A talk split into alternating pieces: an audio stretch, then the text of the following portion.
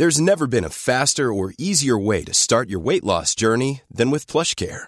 PlushCare accepts most insurance plans and gives you online access to board-certified physicians who can prescribe FDA-approved weight loss medications like Wigovi and Zepbound for those who qualify. Take charge of your health and speak with a board-certified physician about a weight loss plan that's right for you.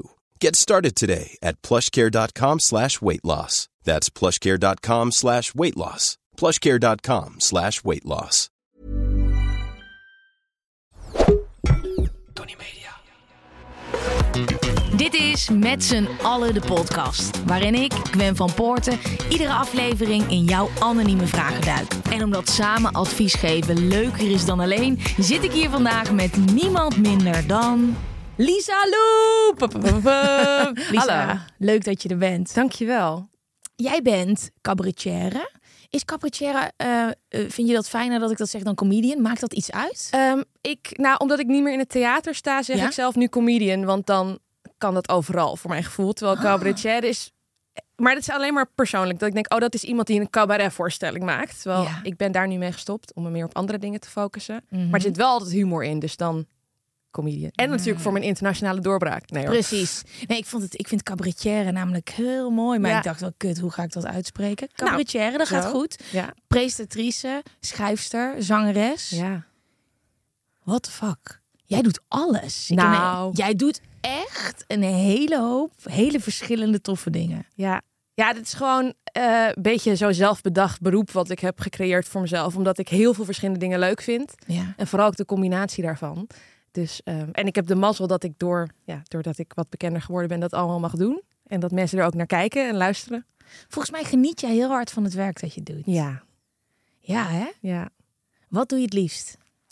Ehm, nou, eigenlijk de combi van presenteren met comedy. Dus ik heb vorig jaar F-Boy Island gepresenteerd. Ja. eh datingshow. En dat was echt ook met sketches erin. En ik mocht die gasten die meededen aan de datingshow ook een beetje roosten. Dus dat vind ik wel heel leuk. Dat je en presenteert, maar ook die teksten zelf schrijft. En dat er humor in zit. Dan komt alles op een gegeven moment helemaal samen zo Ja. daarin. Oh, wat tof. Je hebt ook een boek geschreven. Klopt. Bang. Ja. Wanneer dacht je, mijn verhaal, dat, dat moet gewoon in een boek. Ik ga gewoon schrijven. Schreef je daarvoor ook al? Nou, ik heb altijd zelf, toen ik nog wel cabaretier was, heb ik Ja. altijd zelf mijn voorstellingen natuurlijk geschreven. Dus ik had, ehm, ik was, vroeger was ik een cabaret duo en dat ging eh, drie maanden voordat corona uitbrak uit elkaar. Dus ik besloot solo te gaan en ik had een nieuwe voorstelling gemaakt. En toen was het 18 maart en toen was het, eh, nou ja, even gestopt, laten we het zo zeggen. Eh, en die voorstelling ging al over mijn angststoornis, waar mijn boek Bang ook over gaat. Dus toen ik solo ging, had ik wel heel sterk het gevoel van... dit is mijn verhaal, dit hoort bij mij.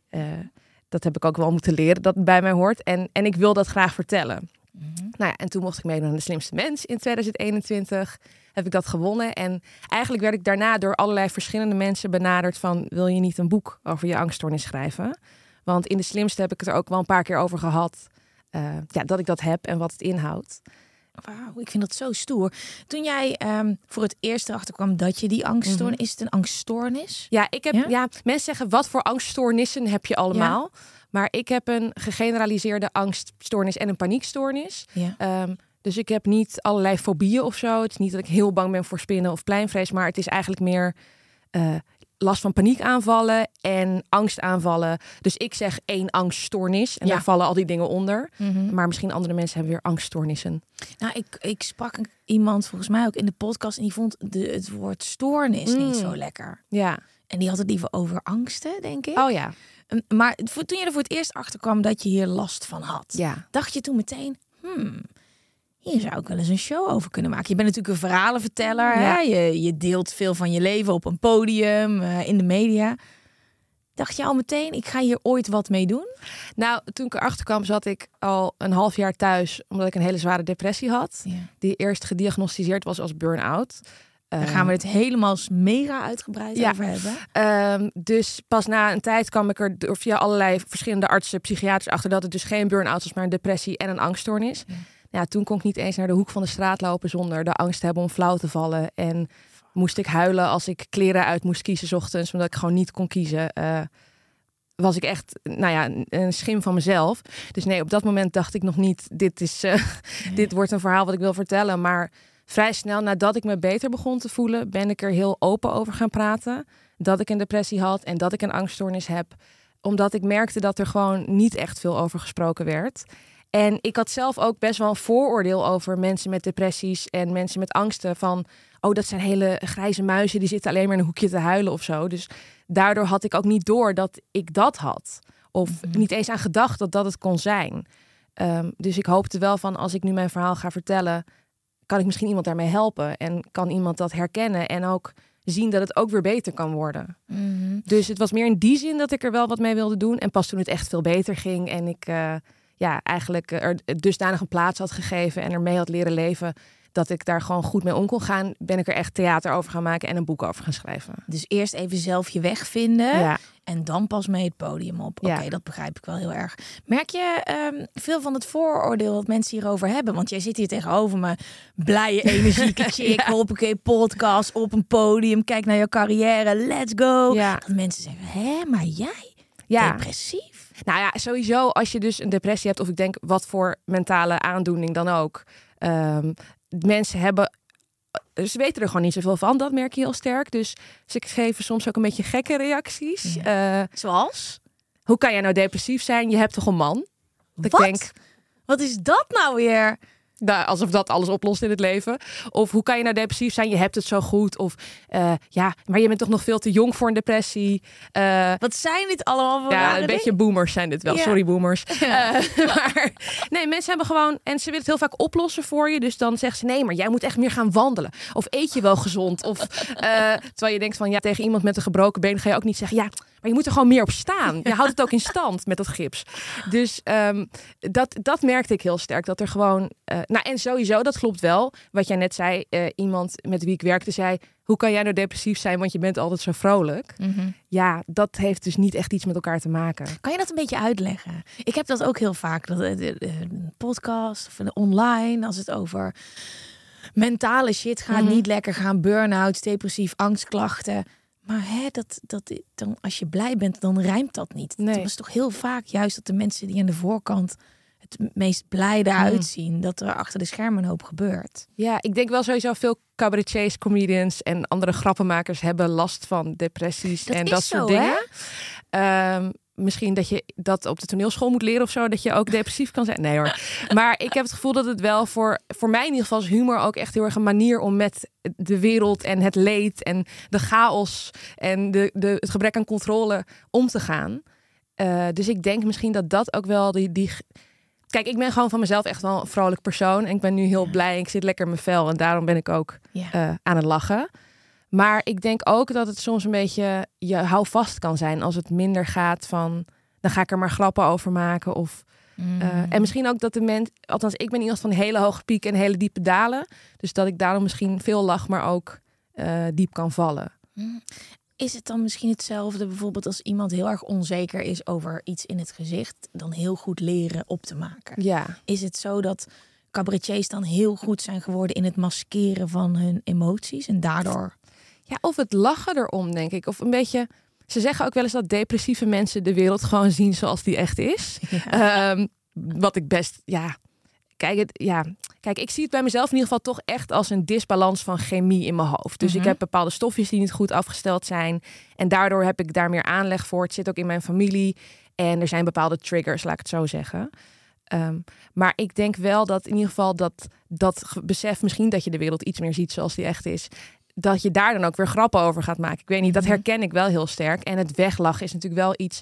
Toen ik dus die depressie kreeg, dat begon in januari 2017. En ik heb er drie kwart jaar mee doorgelopen voordat ik echt helemaal instortte. En dan ga je inderdaad nog harder werken. eh, nog meer een masker opzetten. eh, word je boos op jezelf dat je dat hebt. Ik wist toen natuurlijk niet dat het een depressie was. Hè. Ik had vooral vage lichamelijke klachten en koppijn en dat soort dingen. Omdat ik het maar aan het onderdrukken was. Mhm. Dus ja, ik denk dat masker.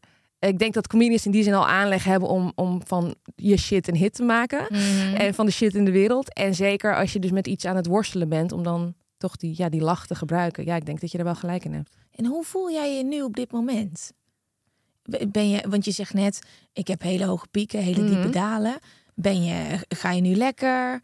Ehm, Nou, ik. eh, ja, het gaat eigenlijk al best wel een tijd heel goed. Dat zou je hier kunnen zitten als het niet goed zou gaan? Ja, Ja, wauw. En ik zou er, ja, ik ben er ook dan best wel eerlijk over. En in het verleden vond ik dat wel spannend. Ook gewoon door best wel een shit reden. Omdat ik wel eens een beetje ja, werk kwijtraakte. Als mensen dan hoorden dat het minder goed ging. eh, in de theaterwereld. Toen ik, ik had dus die depressie, die moest ik een heel jaar afzeggen. En toen ging ik daarna weer spelen. En toen hebben theaters wel gezegd van, oh, maar komt ze dan wel opdagen?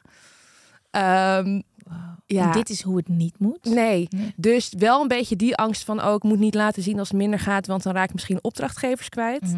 En ik benoem dat ook maar gewoon, want ik denk dat het ook voor veel mensen die ergens werken en denken van oh het gaat minder, maar ik wil het niet laten zien, want ik wil niet eh, Mhm. mijn baan kwijtraken of ehm, dat soort dingen. Maar ja, ik heb geleerd dat dat zijn toch een beetje shit mensen. Daar wil ik ook niet mee werken. Dus Ja. ik ben er wel eerlijk over. En ik kan hopelijk mensen dan ook een beetje helpen door te laten zien. Het gaat niet alleen maar top of heel slecht. Nee, precies. Precies. En Ja. ik denk ook alles bespreekbaar maken en het taboe ervan aftrekken, dat het zo mega waardevol is. We gaan het hier straks uitgebreid nog over hebben. Alles wat je net voorbij hebt laten komen. Maar ik wil eerst eventjes terug in de tijd. Want hoe was kleine Lisa? Ehm, nou, ik heb het gevoel dat ik eigenlijk altijd al een beetje was zoals ik nu ben. Eh, en ik zeg ook wel soms dat ik voor mijn gevoel dapper geboren ben, maar angstig ben geworden door een aantal tikken die ik van het leven gekregen heb. Ja. Dus dat is ook een vooroordeel wat mensen hebben van. Maar eh, als je zegt ik heb een angststoornis, is het eerste als mensen vragen hoe ben je eraan gekomen? Dat ik denk, nou, ik ben niet naar de Aldi gefietst en ik heb er eentje gekocht. Ehm, maar ja, dat is natuurlijk eigenlijk, het is natuurlijk heel lief bedoeld, maar het is best wel moeilijk om dat precies te weten. En het tweede is, was je als kind dan ook altijd al heel bang? Maar ik was echt, nou, een soort Alice in Wonderland voelde ik me. Ik was altijd toneelstukjes aan het maken en dan dwong ik mijn ouders om me te filmen. Ehm, het was nog voor Instagram, maar ik had een soort persoonlijke Instagram op eh, videoband. Eh, ik zat Oh. op zangles, toneelles. Eh, ik was heel ja, vrolijk en fantasierijk en wilde ook van jongs af aan al op het podium staan en wist heel duidelijk van dat is, ja, dat is wat ik wil doen en dat is waar ik voor leef. Dus zo was je ook in de klas. Ja. Alleen eh, dat werd niet altijd even gewaardeerd door alle mensen om me heen. Dus ik ben wel van jongs af aan heel erg gepest. En Eh, waar precies voor? Was het doordat je zo enthousiast was? Nou, het waren een beetje verschillend. Het staat ook allemaal heel uitgebreid in mijn boek. Maar, ehm, en daar ligt ook wel een soort kiem van de angststoornis. Hallo. Ja, psychiater, psychologie. Ja, dat is natuurlijk wel een beetje hoe het gaat als je in zo'n... Ik was zes toen het begon het pesten. En eh, dat is natuurlijk een hele kwetsbare leeftijd... waarin je leert hechten en leert wat veilig is en wat niet. En ja, als je op die leeftijd gepest wordt... word je wel een beetje verneukt, zeg maar... in je Mhm. hechting en in je, in je zekerheid. Ja. Ehm, en ik had gelukkig een hele fijne, stabiele thuissituatie. Maar op school was het gewoon Ja. vreselijk. En je schrijft ook in je boek dat het niet alleen de kids waren, maar dat het ook de juffrouw was. Ja. De juffrouw, vertel. Ja, juf, eh, ik weet niet meer hoe ik er in het boek heb genoemd voordat ik er echt een naam zeg. Maar goed, juf Maxime heb ik er geloof ik genoemd. Ehm, ja, nee, die had een hekel aan mij. Dus ik zat in, eh, op een Montessori school en dan zit je met meerdere jaargang, of jaargangen, met meerdere klassen in, eh, in één klas. Dus je zat dan groep 1 en 2, 3, 4, 5, 6, 7, 8.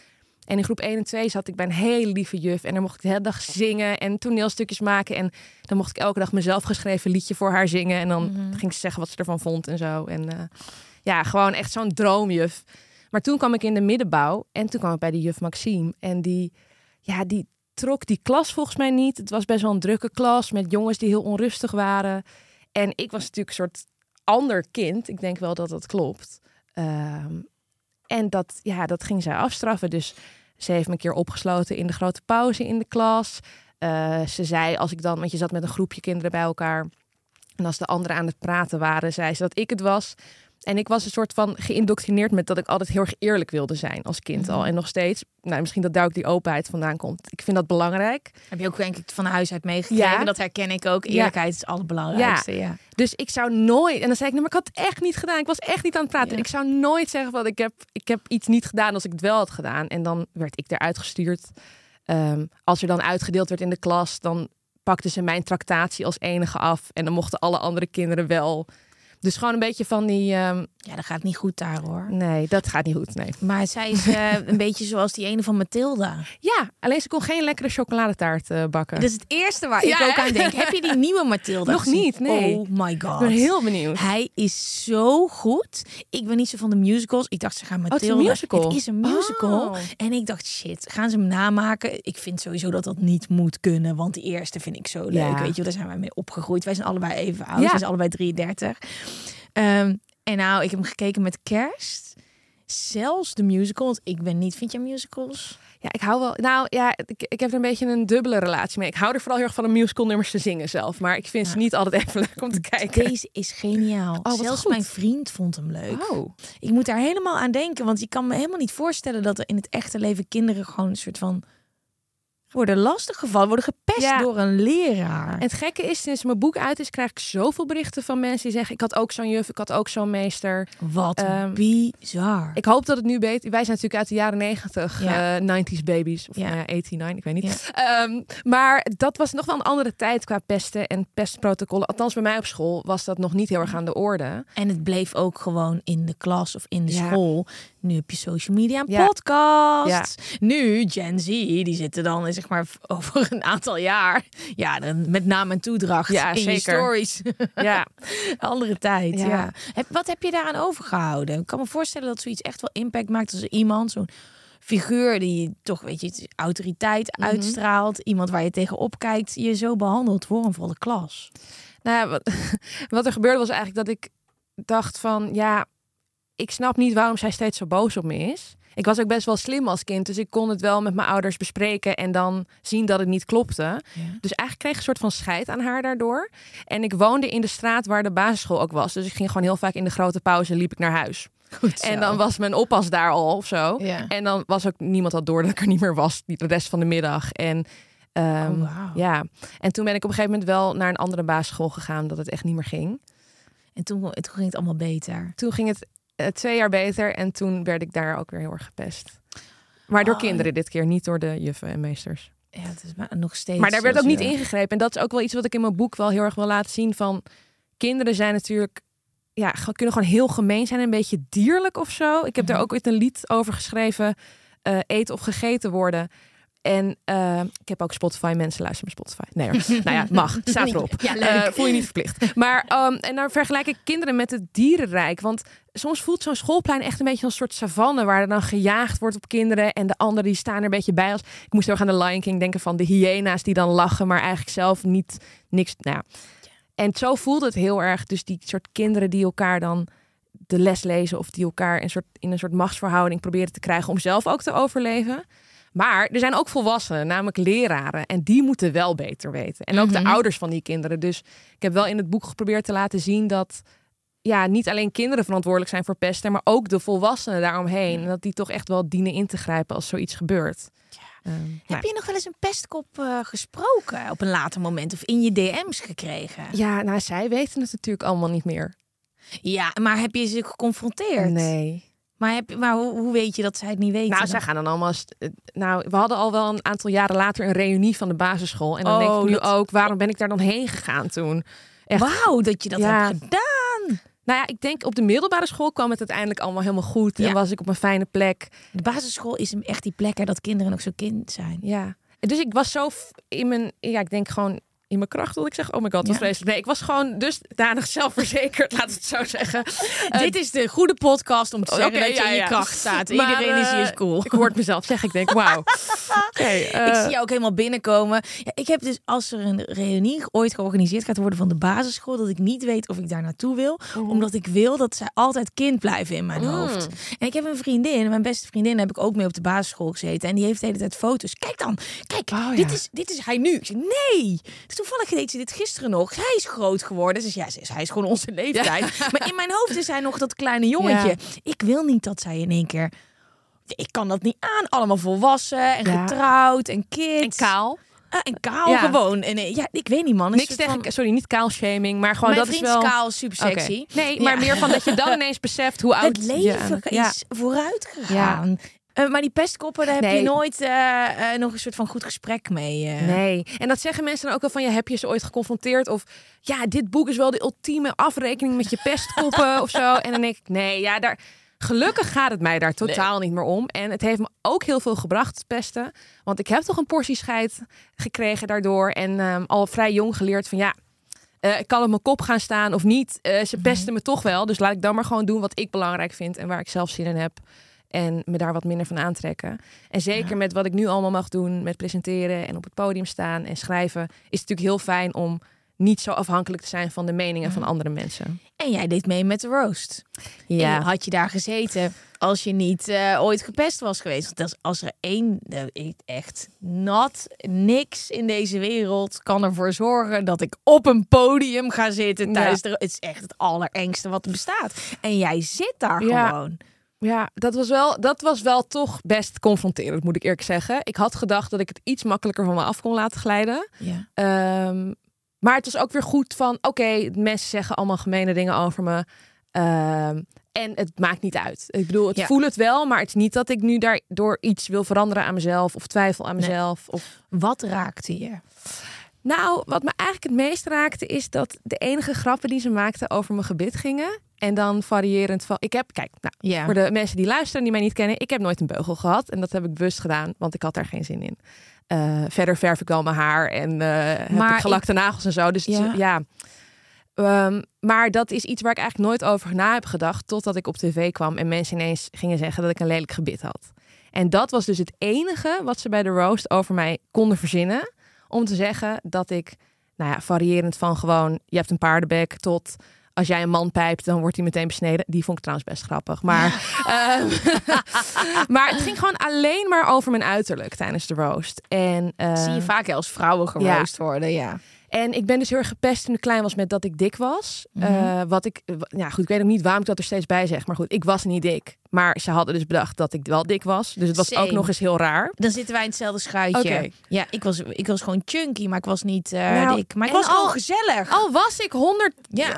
100.000 kilo geweest en had ik eh, mijn buik in, in een Ja. kruiwagen meegesleept, dan nog mag je niet mensen pesten. Maar wel fucked up, hè, voordat we over de, de roost verder gaan. Als je als kind ben je helemaal niet bewust daarvan. En als kinderen je dan erop gaan wijzen Ja. dat er iets anders is aan jou. Ik weet echt nog dat moment dat ik dacht, maar ben ik niet hetzelfde als Ja. andere kinderen? Als je je daar bewust van wordt, oh my god. Maar ja, dat heb ik dus wel echt best wel geïnternaliseerd. Ja. En ik heb helaas ook. Is wel een beetje. Kijk, ik zeg al deze dingen omdat het nu heel goed gaat. Maar ik heb ook bulimia gehad in mijn tienerjaren. Omdat Ja. ik toch wel een soort reactie daarop heb gehad. Nou ja, en op een gegeven moment ging Busy tegen mij zeggen dat ik dik en lelijk was. En dat raakte me eigenlijk wel heel erg. Het is ook, Het is ook niet echt zo- grappig. Nee, het is niet, nee, als het ook eens niet grappig is. En het is zo makkelijk om grappen over iemands uiterlijk Ja. te maken. Maar goed, dus wat Ja. me daarin raakt is vooral dat ze alleen maar dingen over mijn uiterlijk konden verzinnen. En dat ik dus dan lelijk zou zijn. Wat ik zelf niet vind. En dan vind je het wel, nou, mag allemaal. Dat ben jij ook Nou ja, zeker niet. En, en dat ik denk, oh, maar dat is echt het enige wat jullie kennelijk van mij vinden of over mij denken. Dat ik een soort Barbiepop ben waar je dingen over het- uiterlijk moet gaan zeggen. Mhm. En ja, ik had wel geprobeerd om iets meer op de inhoud grap te maken. Maar helaas is het wel heel erg verknipt ten opzichte van wat ik echt gedaan heb te- Mhm. tot wat je op tv zag. Dus ehm, ik was voor gevraagd. En ik had wel gezegd van ik wil heel erg graag mijn eigen verhaal dan vertellen. En ik had ook wel gezegd dat ik twijfelde. Maar ehm, ze hebben altijd moeite met vrouwen vinden. En dat is soort ja, als je dat tegen mij zegt, dan ga ik het dus doen. Ja. Omdat ik dat heel belangrijk vind, dat er meer representatie is. En zeker vrouwen met humor zie je gewoon niet veel op tv. Maar ehm, ja, ik wilde eigenlijk de hypocrisie van de mensen die Femke Louise aan het roosten waren laten zien. En dat Mhm. is er best wel uitgeknipt, waardoor het alleen een beetje losse grappen zijn. Ah, En dat vind ik wel jammer. ja, dat dus ik bedoel, ik snap het ook dat het is een tv-programma en ik ga niet over de edit. En dat is Mhm. hoe het gaat. En misschien Mhm. was het ook te hoog gegrepen voor zo'n roast. Maar daardoor denk ik wel, Het ach, is, jou, maar het is jouw vak ook, hè? Dus het is ook, ja, jij staat daar niet zomaar wat te doen. nee. Ik snap dat. Ik vraag me dan wel af, hoe is het daarna? Kijk, als ik daar was gaan zitten... Ja, ik had denk ik, ik had, ik had iedereen een hand gegeven of een knuffel... en dan was ik echt huilend naar huis gegaan. Oh ja. Maar is het daarna nog gezellig? Ja, Nou kan ja. je het, of word jij dan de volgende ochtend wakker en denk je... oh, ik voel het eigenlijk wel? Of is dat al in de avond? Is iedereen daarna aardig en zo? Nou, Ah. sowieso is iedereen aardig. Want Oh, dit is sowieso vies. als ik, maar ik weet Ja, niet of ik dit mag dit- vertellen, maar niemand, Ja. alleen de comedians schrijven hun eigen grappen, hè? Ja, Dus weet de- ik, ja. Oké, ja. Ja, dus, Dus- kun je zeggen, ja, ik, ik heb ze in mijn mailbox gekregen en ik heb ze gewoon, je kan niet, je hoeft geen verantwoordelijkheid ervoor Nou te ja, nemen. maar dus Busy kent mij helemaal niet en ik ken hem verder ook. Ja. Ja, ik heb wel een mening over hem door wat ik dan gezien heb, maar ehm, dus hij kan wel zeggen, ja, je bent dik en lelijk, maar ik denk, ja, dat heb jij niet zelf bedacht, dus dan Ja. denk ik niet, maar ben niet je tegen daarna jou. zo gezellig? Nou, het dan, ik is had het- dus wel, er mochten heel veel mensen komen voor iedereen. Dus ik had acht vrienden en mijn familie en mijn man en mijn manager, eh, die ook een vriendin is. Dus met hun heb ik het gewoon super gezellig gehad. En eh, kijk, ik wil niet echt zo. Iets waar ik aan meegedaan heb, daar negatief over zijn. Het want is meer mijn eh, ding hoor. Jij bent heel positief. Nou, ik vind het gewoon heel intens. Het is Eh, ook heel intens. En ik denk wel eh, dat we ons af kunnen vragen welke plek de roast in deze tijd heeft. Want het is ooit begonnen als iets. En we zijn nu denk ik twintig jaar verder. En misschien kunnen we het ook als iets anders benaderen. Dus Ja. puur mensen op hun uiterlijk. En er waren ook gewoon bepaalde grappen die ik liever niet maakte, omdat ik ze niet grappig vind. Dus al Ja. van die vooroordelen over mensen die homoseksueel zijn of Marokkaans, weet ik wat. Ja, ik vind dat niet zo grappig. Ja. Ehm, en dat hoorde je toch wel heel veel voorbij komen die avond. Dus ik denk dat we daar een beetje voorbij zijn. En dat we Ja. moeten kijken, wat kunnen we dan, wat, wat willen we er nu mee? Laat ik het zo zeggen. Maar ja, ik vond het fucking stoer dat je er zat. Nou, En Ik heb ook gezien, je hebt het supergoed gedaan. Maar heel interessant wel. Dus met een pestverleden en dan alsnog daar gaan Ja. zitten. Het is echt Mom deserves the best, and there's no better place to shop for Mother's Day than Whole Foods Market. They're your destination for unbeatable savings, from premium gifts to show-stopping flowers and irresistible desserts. Start by saving 33% with Prime on all body care and candles. Then get a 15-stem bunch of tulips for just $9.99 each with Prime. Round out Mom's menu with festive rosé, irresistible berry chantilly cake, and more special treats. Come celebrate Mother's Day at Whole Foods Market. Normally, being a little extra can be a bit much, but when it comes to healthcare, it pays to be extra. And United Healthcare makes it easy with Health Protector Guard fixed indemnity insurance plans. Underwritten by Golden Rule Insurance Company, they supplement your primary plan, helping you manage out of pocket costs without the usual requirements and restrictions like deductibles and enrollment periods. So when it comes to covering your medical bills, you can feel good about being a little extra. Visit uh1.com to find the Health Protector Guard plan for you. eh, ik heb een eh, vraag binnengekregen. Hey Gwen en gast. Ik heb advies nodig. Sinds twee maanden heb ik last van paniekaanvallen. Het komt en het gaat. En het lijkt de afgelopen weken eigenlijk alleen maar erger te worden. Kunnen jullie hierin ervaringen delen en of advies geven? Groetjes Els. Nou, We hebben het er net al over gehad. ja. Paniekaanvallen. Wat is een paniekaanval voor jou? Voor mij is het een heel fysieke eh, aanval. Dus het voelt niet van, oh, ik heb nu een... Kijk, inmiddels weet ik dat het een paniekaanval is. Maar toen het begon, had ik het gevoel dat ik ofwel een beroerte had... of een hartaanval, of een hersenbloeding. Er, ehm, je krijgt allemaal fysieke triggers. Dus bijvoorbeeld zweethanden, misselijk. Ik had het gevoel dat ik mijn tong in ging slikken. Koppijn, wazig zien, eh, hyperventilatie... Ook dissociatie had ik best wel vaak last van dat alsof ik soort van uit mijn eigen lichaam was en als, alsof ik naar mezelf keek alsof ik in een film zat. Dat is ook iets. Ehm, dus je denkt niet van, als je dat nog nooit hebt gehad, van oh, ik heb nu een paniekaanval en het is iets mentaals en eh, het gaat vanzelf wel weer over. Je denkt, ik ga dood. Dat dacht ik eigenlijk in het begin. Ehm, ik denk, het is natuurlijk voor elk persoon verschillend wat de uiting is bij een paniekaanval, maar zeker dat, ja, dat er dus een soort van golf van eh, fysieke sensaties over je heen komt en dat je daar geen controle over hebt. Ik denk dat dat wel herkenbaar is voor veel mensen. Eh, ja, het is echt verschrikkelijk. Ik heb het helaas soms nog steeds. Ik slik al vijf jaar medicatie. En dat is ook echt mijn redding geweest. Maar toch, als een soort puber met ex-deodorant die niet altijd beschermt, breekt het er soms doorheen. Ehm, lachend door het leven. Ja, ja. Nee, maar snap je? Dus toch, het kan soms door de kieren glippen. Eh, dus ik weet niet, ten eerste wat vervelend, Els, dat je daar last van hebt als je luistert. En eh, mijn advies zou wel zijn, ga naar de huisarts. Ik weet natuurlijk niet wat je al gedaan hebt, maar ga naar de huisarts. Want er zijn gewoon professionele mensen die je hiermee kunnen helpen. Je hoeft het niet helemaal zelf op te lossen. Ja. Misschien ben je al bij de huisarts, misschien ben je al bij een psycholoog of een psychiater en heb je al medicatie. Dat is natuurlijk dan, eh, dat zijn dan een aantal stappen. Wat mij helpt nu ik zeg maar al die stappen heb gedaan en de goede hulp heb gevonden en eh, de juiste medicatie, is accepteren wanneer ik een paniekaanval heb dat het zo is. En dan meer- escaleert het minder. ja, want je, voor mij, ik vergelijk het met een bal die je onder water probeert te duwen. Hoe harder je duurt, des te harder die ook weer omhoog eh, schiet. Kost super veel energie. Ja, terwijl als je hem heel rustig omhoog laat komen, dan eh, heb je er minder last van. Ik had in het begin wel heel veel eh, vooroordelen over mezelf als ik dan toch nog een paniekaanval had, terwijl ik al therapie had gehad en medicatie van ik mag dit niet hebben, hoe zo komt het elke keer terug? En nu weet ik, ja, dat heb ik dus helaas. En wat vervelend, dan kan ik met meer compassie naar mezelf kijken en denken, wat vervelend dat ik dit nog steeds heb. Ehm, Kan je ons meenemen naar de allereerste keer dat jij een paniekaanval had? Ja, dat eh, was eh, tijdens een voorstelling van Arjen Lubach. Eh, Arjan maakt ook altijd heel veel bij mij los. ja, het is heel herkenbaar voor veel mensen, heb ik gehoord. Iedereen die de avondshow kijkt, heeft... Nee hoor, helemaal niet. Het had niet echt met Arjen te maken. Maar ik zat in de kleine komedie. Het was 2011.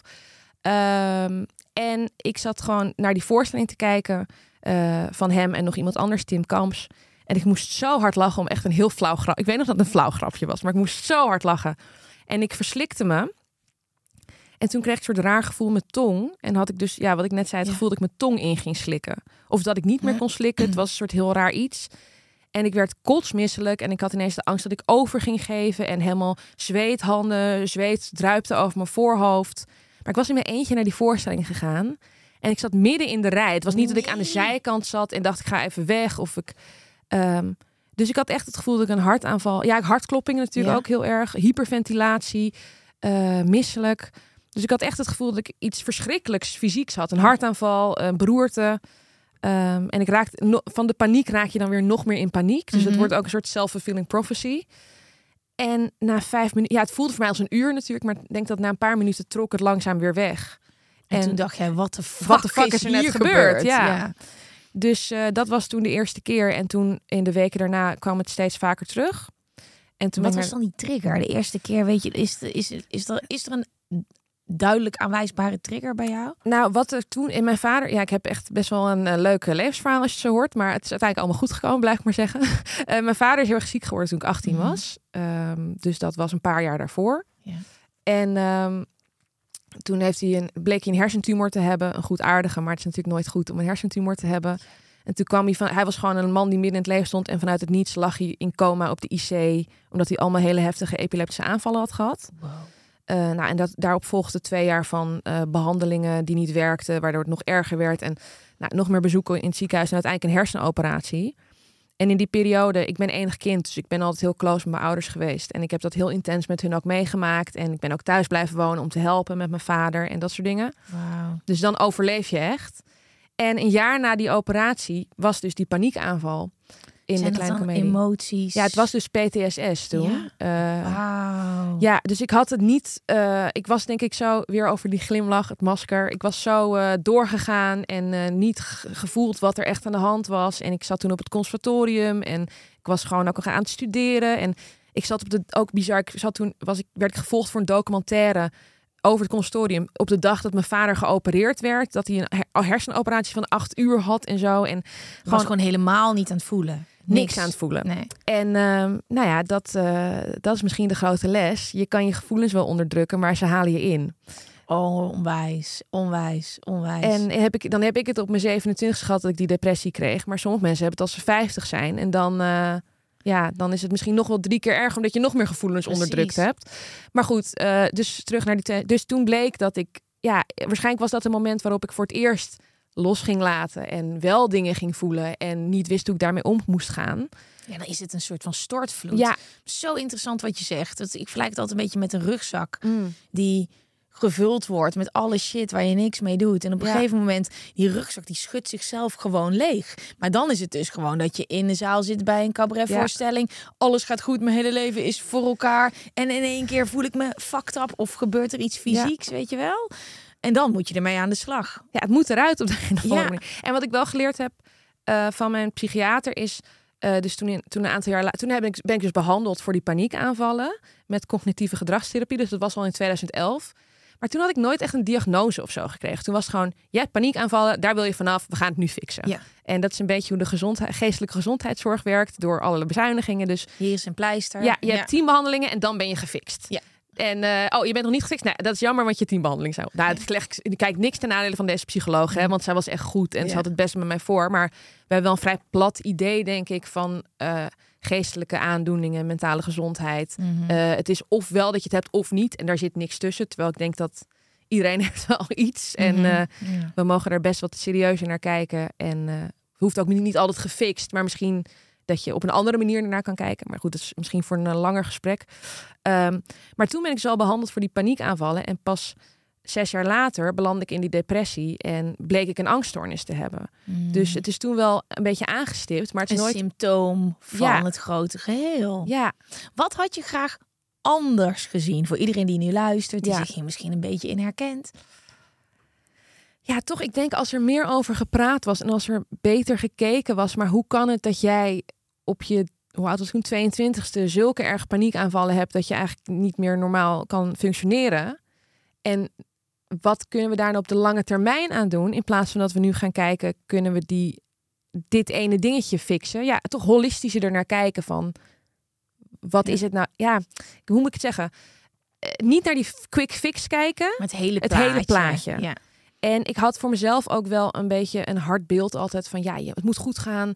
Eh, je, je wil de top bereiken. Eh, ik heb hier geen tijd voor. Ik heb geen tijd om in te storten. Ja, veel- wow. Maar het is wel ziek, want jij hebt dus deze klachten gekregen op je 22ste. Ja. Ik heb op mijn 22ste een burn-out Ja. gekregen. Jij bent ook enigskind, ik ben ook enigskind. En we zijn allebei 33. Oké. Ja, het is heel interessant. Het was Ja. ook al heel jong dat je hiermee te maken Ja. kreeg.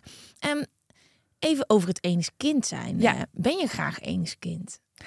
Ehm, nou, ik was het altijd heel graag. En ik heb er als kind echt super veel voordeel van gehad. Dus eh, ik was altijd heel erg sociaal. En dan bijvoorbeeld, ik ging op mijn vierde al Engels. Nou, ik eigenlijk ging gewoon makkelijk Engels kunnen doordat ik heel veel televisie keek. En dat was dan in het. Engels. Ja, same. Ja. dus ik maar wij zijn toch gewoon opgegroeid met de nanny Ja, en ja, ja, ja, Friends ja, en gewoon die, al, die, al die dingen. En je keek alleen maar naar televisie. Ja, dus ik wil wel het stoer doen van ik ging op mijn vierde Engels leren, maar ik kon het gewoon dat ik heel veel tv keek. Ehm, en ik was ook niet zo'n VPRO-kind. Ik mocht gewoon ook Telekids kijken van mijn Ja, ouders. precies. Ja.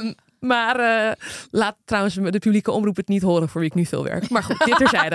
Ehm Je bent van alle markten ja, thuis. zeker. Ehm, nee, maar en dan was ik op vakantie. Wat ik natuurlijk geen broertjes of zusjes. Dan ging ik altijd vriendjes maken en met kinderen spelen. En dan in mijn gebrekkige Engels. You want to play with me kitchen? Ging ik dan zeggen. Had ik een soort mini keukentje.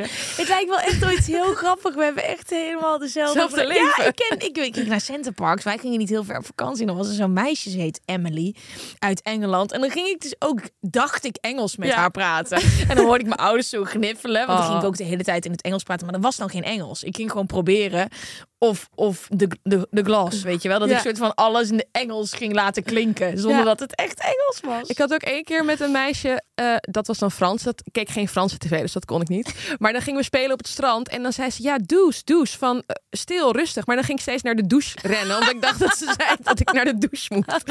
Maar goed, ehm, nee, dus dat zag ik echt als een groot voordeel. En eh, ja, ik, heb, ben ook een geprivilegeerd iemand. Dat is natuurlijk ook wel goed om te noemen. Dus ik had eh, een, ja, veilige thuissituatie. En ik werd heel erg gesupport door mijn ouders. En eh, ze hadden samen een bedrijf en werkten altijd heel hard. Maar verdeelden ook de zorg 50-50. Dus ik ben echt een soort feminist. eh, ja, geboren, gebrainwashed. Dus voor mij was dat ook altijd heel normaal. En ik mocht op toneelles en zangles. Dus al die dingen mocht ik doen en kon ik ook doen. Maar ja, toen mijn vader ziek werd, Mhm. dus dat is eigenlijk de moraal van het verhaal. Toen had ik natuurlijk heel graag een broer of een zus erbij gehad met wie ik dat kon delen op die manier. Wauw. En ehm, dat was er nu niet. Dus ik, ik bedoel, ik heb met liefde natuurlijk geholpen en gedaan wat ik kon. Ik ben supergoed in 112 bellen, ben ik achtergekomen. Want als mijn vader dan een epileptische aanval had, eh, ging ik altijd 112 bellen. Ehm, maar ja, dit- dat is natuurlijk wel iets. En ook als je ouders ouder worden. Dat merk ik heel erg veel bij mijn vrienden. Mijn vader was 52 of zo. Toen bleek dat hij die hersentumor had. En toen, hij, hij is gewoon bijna overleden op een gegeven moment.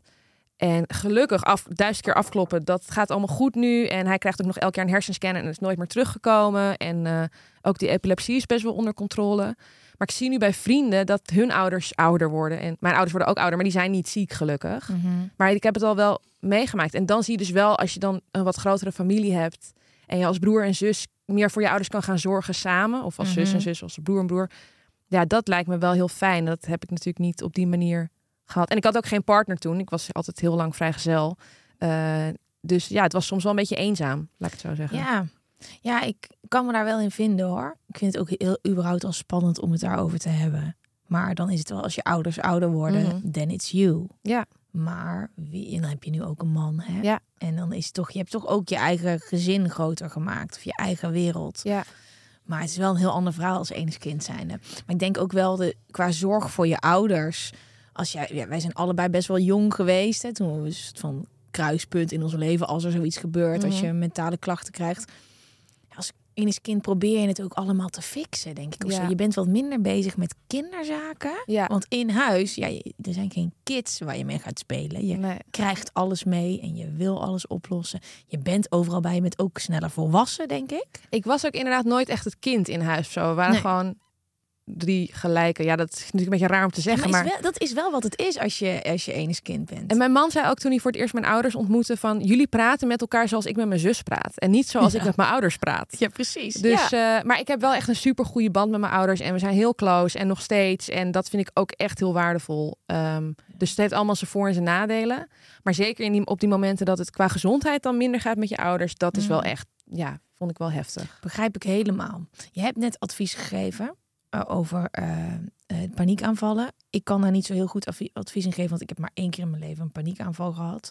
Maar ik denk dat de basis is wat jij zegt. Klets met iemand, ja. praat met iemand. Uh, iemand die daarvoor geleerd heeft. Ja. Het is altijd zo grappig dat er mensen zijn die meer over jouw hoofd weten dan jij zelf. Maar je kan ook niet zo objectief naar jezelf kijken natuurlijk. Nee. Ik kan ook altijd mijn vrienden heel goed advies geven. Vind ik zelf dan hè? Ja. Heel goed advies geven voor alles.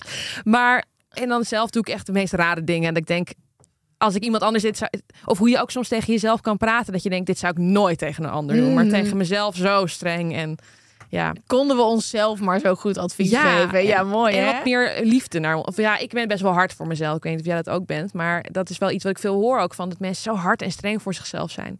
Terwijl je dat ja. ook weer zo'n cliché, hoor, maar tegen een vriend zou je dat nooit doen of tegen een vriendin, maar tegen jezelf wel. Ja, ik weet, ik ben niet zo hard meer naar mezelf, maar dat is echt omdat ik geen keuze heb. Want dat, als ik dat wel doe, dan komt het gewoon niet goed. Nou, want ik was heel perfectionistisch. Ja. En dat ben ik nog steeds wel. Maar ja, ik wil ook gewoon een gelukkig leven hebben. Ja, ja dus een beetje middenweg ingevonden. Ja. Oké, okay, um, dit was het eerste gedeelte yes. van de aflevering. Um, bedankt voor het luisteren. Leuk dat jullie er waren allemaal. En volgende week kan je gaan luisteren naar het tweede deel.